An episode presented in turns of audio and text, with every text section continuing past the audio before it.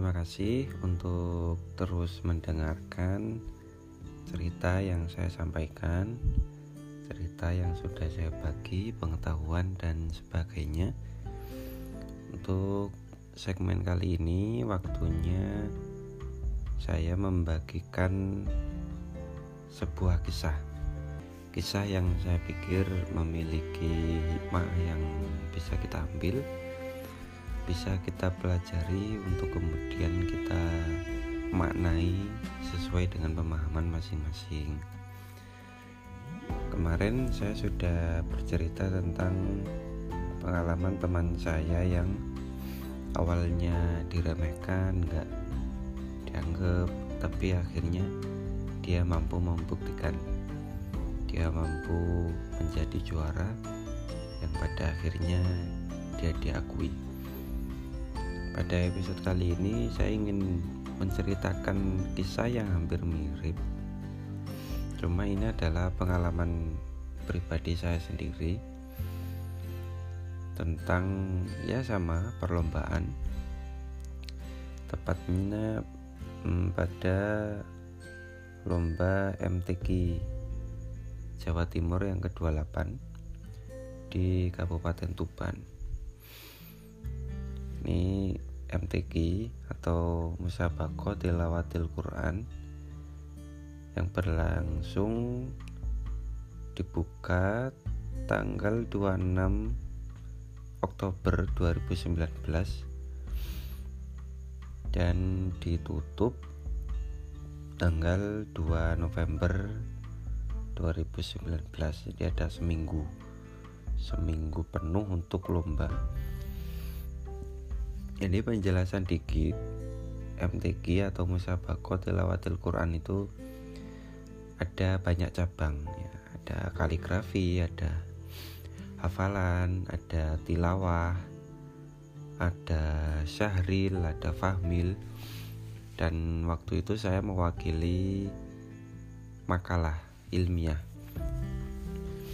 makalah yang diperlombakan di MTQ ini ada dua tema yang diangkat. Terus ada tiga babak yaitu babak penyisian semifinal dan final.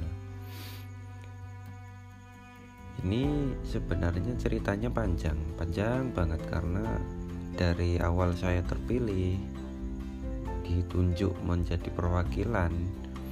Saya waktu itu perwakilan Kabupaten Tuban perwakilan tuan rumah. Jadi kan biasa ya tuan rumah mengincar juara itu kan seolah-olah harus gitu ya. Nah saya itu diminta untuk mewakili Kabupaten Tuban dan memang saya itu basicnya nulis. Saya bisa nulis dikit-dikit dan akhirnya saya mengiyakan saya belajar terus dan akhirnya saya diajari oleh guru nulis saya untuk ditargetkan ya juara lah. Kalau dari guru saya itu targetnya juara cuma dari pembina saya sendiri kalau bisa semaksimal mungkin gitu aja. Karena saya ini orang baru sama sekali belum pernah ikut cabang ini cabang makalah saya cuma punya pengalaman di MTQ itu di cabang tilawah anak-anak tahun 2012 tingkat Kabupaten Tuban. Jadi dulu itu ya jelek-jelek ini mah dulu suaraku bagus ya bisa tilawah. Jadi kori. Iya ini serius cuma nggak suara saya gak nggak saya jaga akhirnya ya itu tadi rusak. Akhirnya suaranya kayak gini nggak bisa ngangkat lagi. Dan sejak itu sebenarnya aku pengen pengen banget ikut MTQ lagi ya. Jadi di dalam hati itu kapan ya saya bisa ikut lagi? gitu. Sedih gitu saya, saya kalau lihat orang kori itu yang suaranya tinggi-tinggi itu saya saya dulu bisa setinggi itu gitu loh. Tapi sekarang nggak bisa itu kan ada semacam iri ya. Ada semacam kok penyesalan ya gitu mungkin tepatnya gitu. Cuma eh, Tuhan berkata lain mentakdirkan saya ikut kembali di event yang saya anggap mustahil saya ikuti lagi. Namun dengan jalan yang berbeda yaitu jalan di beda cabang. Bukan lagi di cabang tilawah suara kori tetapi saya masuk di cabang makalah ilmiah. Jadi di sini yang ingin saya ceritakan itu kan namanya tuan rumah itu kan mempersiapkan semaksimal mungkin ya. Bahkan yang lombanya itu Oktober 2019 pembinaannya persiapannya itu sudah dimulai sejak akhir tahun 2018 artinya hampir setahun kita itu persiapan. Ya pembinaan lah pembekalan lah diajari oleh yang lebih ahli, pembina-pembina dari berbagai kalangan dan seterusnya. Dan di pembinaan ini tentu kita itu dikarantina kadang seminggu, kadang lima hari dan seterusnya. Saya sebagai perwakilan dari Tuban yang juga apa mewakili cabang karya ilmiah itu tadi jelas saya ketemu dong sama teman-teman dari cabang lain ya dari kaligrafi dari hafalan. Hafalan ini ada yang 5 juz ada 10 juz 30 juz dan seterusnya. Banyak ya banyak. Dari cabang anak-anak sampai dewasa saya ketemu mereka. Cuma ya itu tadi. Pertama saya itu kan orangnya susah ya susah bersosialisasi sama orang baru itu memang kekurangan terbesar saya saya akui. Saya itu orangnya mau nyapa itu serius susah. Ini mungkin terdengar an aneh bagi sebagian orang tapi memang ya saya saya juga gak tahu kenapa ya. Jadi selama pembinaan itu ya bisa dikatakan saya nggak nggak punya temen paling ya cuma ditanya gitu mas rumahnya mana? Cabang apa? Gitu udah selesai. Dan saya punya saya, saya hanya punya satu kawan ngobrol yaitu teman teman apa teman cabang saya sendiri putri ya. Kan lo banyak kan putra putri tiap cabang itu. Ada putra ada putri gitu. Dan teman saya putri ini yang namanya Mbak Yayu ini ya mungkin cuma dia doang yang yang apa yang bisa saya ajak ngobrol ya. Karena kita pembinaan berdua. Kita berdua ketemu pembina ya udah gitu kan. Jadi setidaknya saya punya teman ngobrol. Saya lupa ya berapa kali pembinaan ya. Kalau nggak salah tiap bulan ada pembinaan. Atau sekitar dua bulan sekali gitu dan ya itu tadi saya nggak nggak punya temen ngambil makan ya makan sendiri. Sholat ya sholat sendiri paling lewat ya ya sekedar nyapa gitu aja. Terus di kamar juga ya gitu. Kan kan kita di di karantina di hotel gitu di penginapan ya ya mereka ngobrol-ngobrol tapi saya kadang nugas sendiri sendiri gitu mengerjakan tugas sendiri kadang juga ngopi sendiri biasalah. Nah ini kok, kok ngenes sekali ya kayaknya hidup saya itu. Waduh nah, nggak apa-apa sih.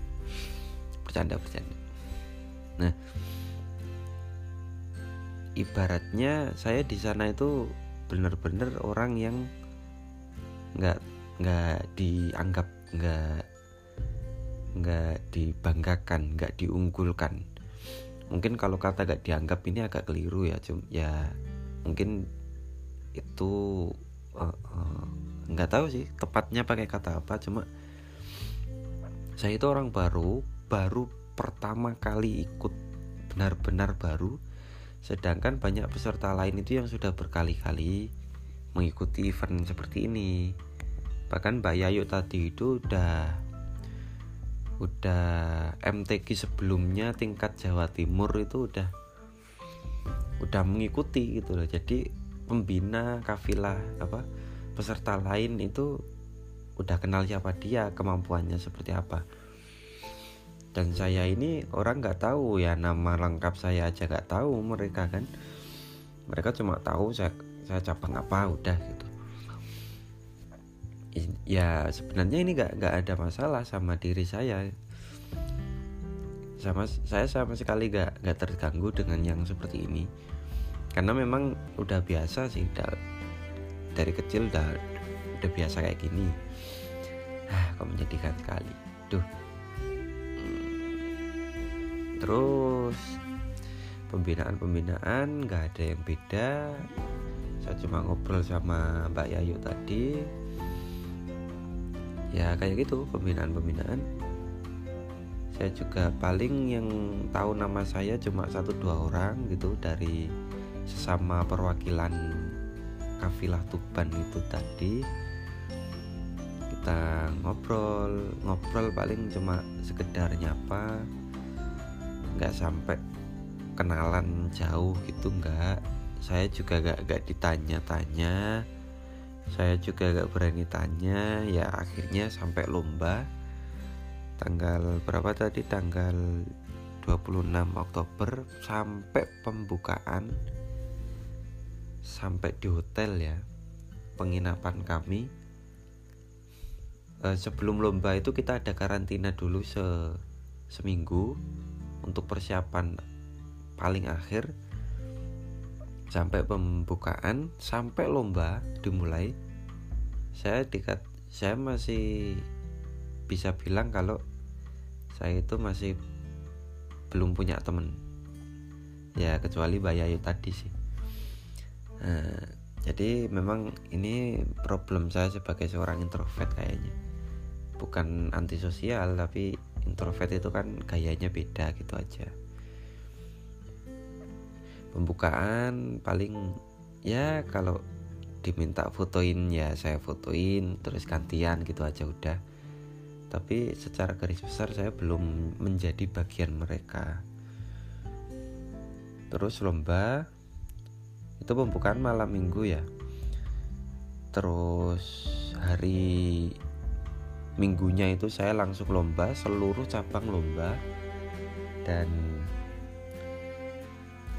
di apa di lomba saya itu babak penyisian itu penjuriannya satu hari. Keluar nilai itu hari Senin. Jadi kita lomba hari Minggu hari Seninnya nilai keluar. Dan saya benar-benar gak menyangka pada waktu itu nilai keluar nama saya menempati posisi nomor satu sebagai nilai tertinggi di antara seluruh peserta yang ada. Saya ya kaget gitu loh. Wah ini ini ini ini gimana ini? Karena ya ya ya itu tadi saya merasa deg-degan ya pertama kali saya takutnya mengecewakan banyak orang tapi kok ternyata memunculkan hasil yang di luar dugaan saya sendiri bahkan nah, akhirnya singkat cerita saya akhirnya bisa sampai masuk final. Dan alhamdulillah bisa meraih juara satu. Karena finalnya uh, hari Jumat tanggal 1 November 2019 final saya mengikuti kejuaraan dari awal sampai final itu saya masih sama. Saya masih belum dikenal oleh kebanyakan kafilah yang lain kafilah Tuban saya sendiri. Juga ya masih biasa lah gak nggak ya gak nggak terlalu dikenal gitulah. Terus pada akhirnya setelah final dan saya berhasil menjuarai juara satu nah ini baru baru terasa perbedaannya. Teman-teman tadi ya kafilah-kafilah apa peserta-peserta itu eh, yang awalnya nganggep saya biasa aja. Terus setelah saya balik setelah mencapai predikat juara tadi mereka baru apa ya bahasanya itu mengapresiasi saya gitu. Wih mas selamat ya gini gini mas selamat gini gini saya saya diucapin saya dikasih selamat saya di dikata hebat saya di ya intinya baru ketika itu saya mendapatkan sesuatu yang disebut apresiasi sesuatu yang disebut pengakuan. Saya waktu itu mikir mikirnya gini. Ternyata memang manusia itu seperti ini cara mainnya kayak gini. Kita mau gak mau harus kuat harus kuat dalam arti kalau kita kaya orang akan menghormati kita sebagai orang yang kaya. Di mana-mana kan konglomerat itu kan dihargai ya dihormati. Atau kamu menjadi pejabat dalam arti kita kuat dalam hal jabatan. Kamu ketua di organisasi kamu pasti dihormati di antara anggotamu. Apalagi kamu sampai jadi pejabat daerah atau kamu kuat dalam segi nasab? Kamu anaknya ulama kamu anaknya presiden kamu anaknya orang besar kamu pasti akan dihargai sebab itu.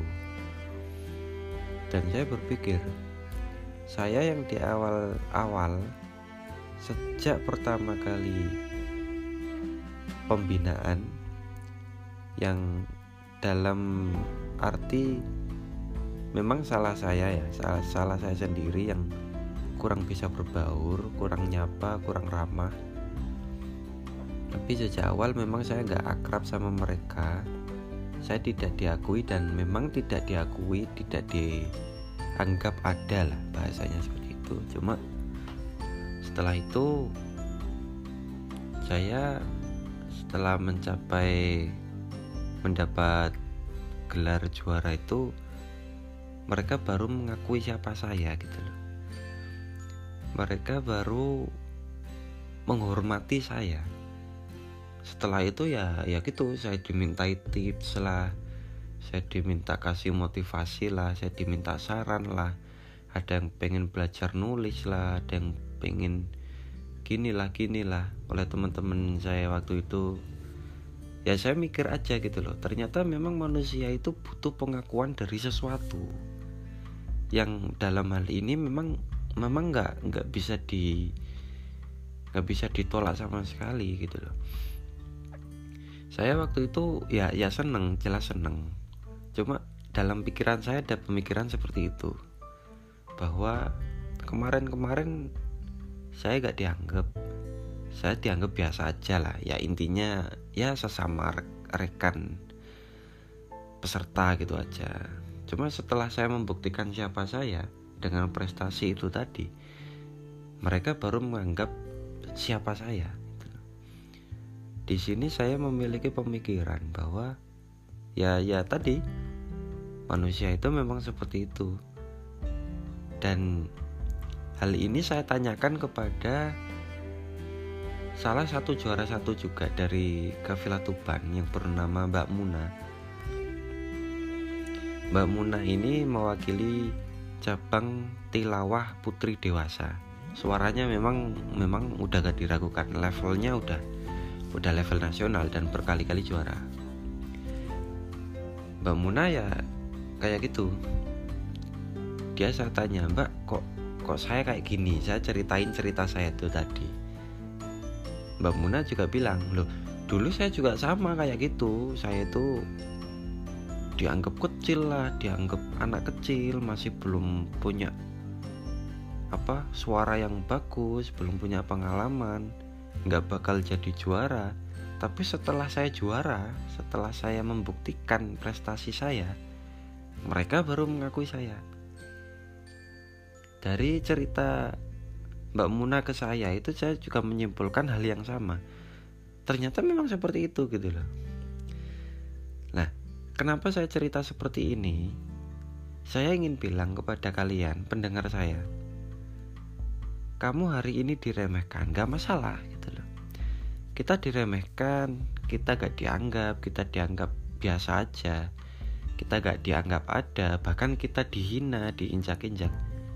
Saya ingin bilang secara tegas, gak masalah, biarin aja tapi satu hal yang harus kamu tahu, kamu harus berjuang di belakang itu. Kamu harus mempelajari sesuatu, melatih sesuatu, mengasah sesuatu ketika mereka gak tahu.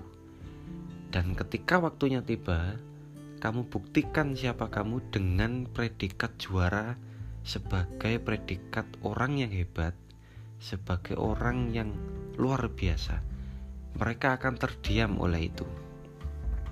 Mereka akan mengakuimu, mereka akan menganggap kamu luar biasa.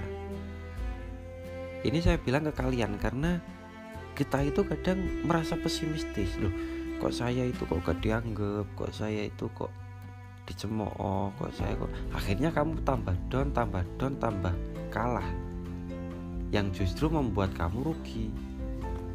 Sedangkan bagi orang-orang yang bermental baja bodoh amat. Gak masalah kamu menghina saya gak apa-apa. Saya tidak akan menghina kamu balik. Tetapi ya mohon maaf Saya akan membuktikan bahwa ucapanmu itu salah. Paham ya? Jadi saya ingin menceritakan cerita saya tentang ini Supaya kamu itu paham Bahwa kalau kamu merasa hari ini tidak dianggap Tidak di apa tidak dihormati tidak di apalagi ya ya pokoknya kayak gitulah. Kamu jangan berontak biasa aja. Ya kamu memang belum pantas untuk dihormati karena memang kamu belum dikenal kamu belum membuktikan prestasi gitu. Tetapi biarin aja waktu yang membuktikan siapa kamu buktiin dengan prestasi buktiin dengan pencapaian mereka akan otomatis menghormati kamu kok meskipun kamu gak minta gitu loh. Jadi sejak itu saya menerima banyak undangan menerima banyak ucapan selamat yang bagaimanapun saya harus mengontrol hati saya untuk tetap tidak sombong. Saya harus tetap rendah hati karena bagaimanapun saya merasa bahwa saya itu masih belum punya apa-apa saya masih merasa bahwa juara satu provinsi yang saya pegang ini adalah hasil dari usaha saya bertahun-tahun sebelumnya. Dan saya masih merasa saya belum mampu untuk mengemban predikat ini. Tetapi saya harus bagaimanapun harus bersyukur karena ini dari usaha saya dari keseriusan saya juga dari dukungan teman-teman saya doa-doa dari mereka saya harus bersyukur. Nah jadi secara garis besar saya ingin bilang ke kalian dari cerita ini ayolah kita itu usaha. Ayo kita fokus belajar fokus mengasah skill kita. Pada akhirnya kamu akan membuat sesuatu yang luar biasa kalau kita telaten hari ini. Kalau kita berani capek malam-malam ini kita berani untuk puyeng kita berani untuk tidak melakukan hal yang instan hasilnya pasti luar biasa. Dan hasil ini tidak akan pernah berkhianat terhadap proses yang kita lalui. Semakin berat proses hasilnya akan semakin bagus. Dan ketika waktunya tiba kamu naik podium waktunya tiba kamu menjadi predikat juara, memperoleh gelar gelar sebagai orang yang luar biasa, kamu harus bangga terhadap dirimu dengan tetap rendah hati, dengan tetap bersyukur, kamu harus ingat siapa dirimu, kamu harus bersyukur, kamu harus tetap berpikiran bahwa ini bukan jalan terakhir, ini bukan posisi terakhir, kamu harus mengejar prestasi yang lebih besar. Oke, mungkin seperti itu pengalaman dari saya sendiri. Cerita tentang sebuah prestasi yang sama sekali tidak saya sangka, tetapi prestasi itu juga bukan kebetulan, tetapi takdir Tuhan yang diberikan kepada saya sebab saya berani capek saya begadang tiap malam untuk belajar untuk mengasah skill yang saya miliki. Dan akhirnya Tuhan menjawab doa saya dengan memberikan gelar juara yang tidak saya sangka sebelumnya. Terima kasih. Ayo tetap belajar tetap giat berjuang tetap berusaha kalau hari ini kamu masih tertatih, kamu masih belum punya apa-apa, belum bisa apa-apa, nggak masalah. Itu bukan sesuatu yang buruk. Buruknya adalah ketika kamu menyerah. Selama kamu belum menyerah, masih ada harapan untuk kamu menjadi juara, kamu menjadi orang yang terhebat. Jangan lelah untuk mengejar hal itu. Ingat, ketika kamu juara, orang tuamu akan sangat bangga kepada kamu guru-gurumu akan mengapresiasi kamu, kamu membanggakan semua orang, dan itu adalah sebuah itikat untuk beribadah, untuk membanggakan nama mereka, mengharumkan nama mereka untuk diri kamu dan untuk mereka juga pada akhirnya, ya kan? Maka, ayo terus belajar, jangan menyerah, jangan pernah berhenti. Mengenali diri kamu sendiri, mengasah potensi kamu, supaya kamu bisa meraih apa yang kamu inginkan. Terima kasih, semoga bermanfaat, dan sampai jumpa. thank you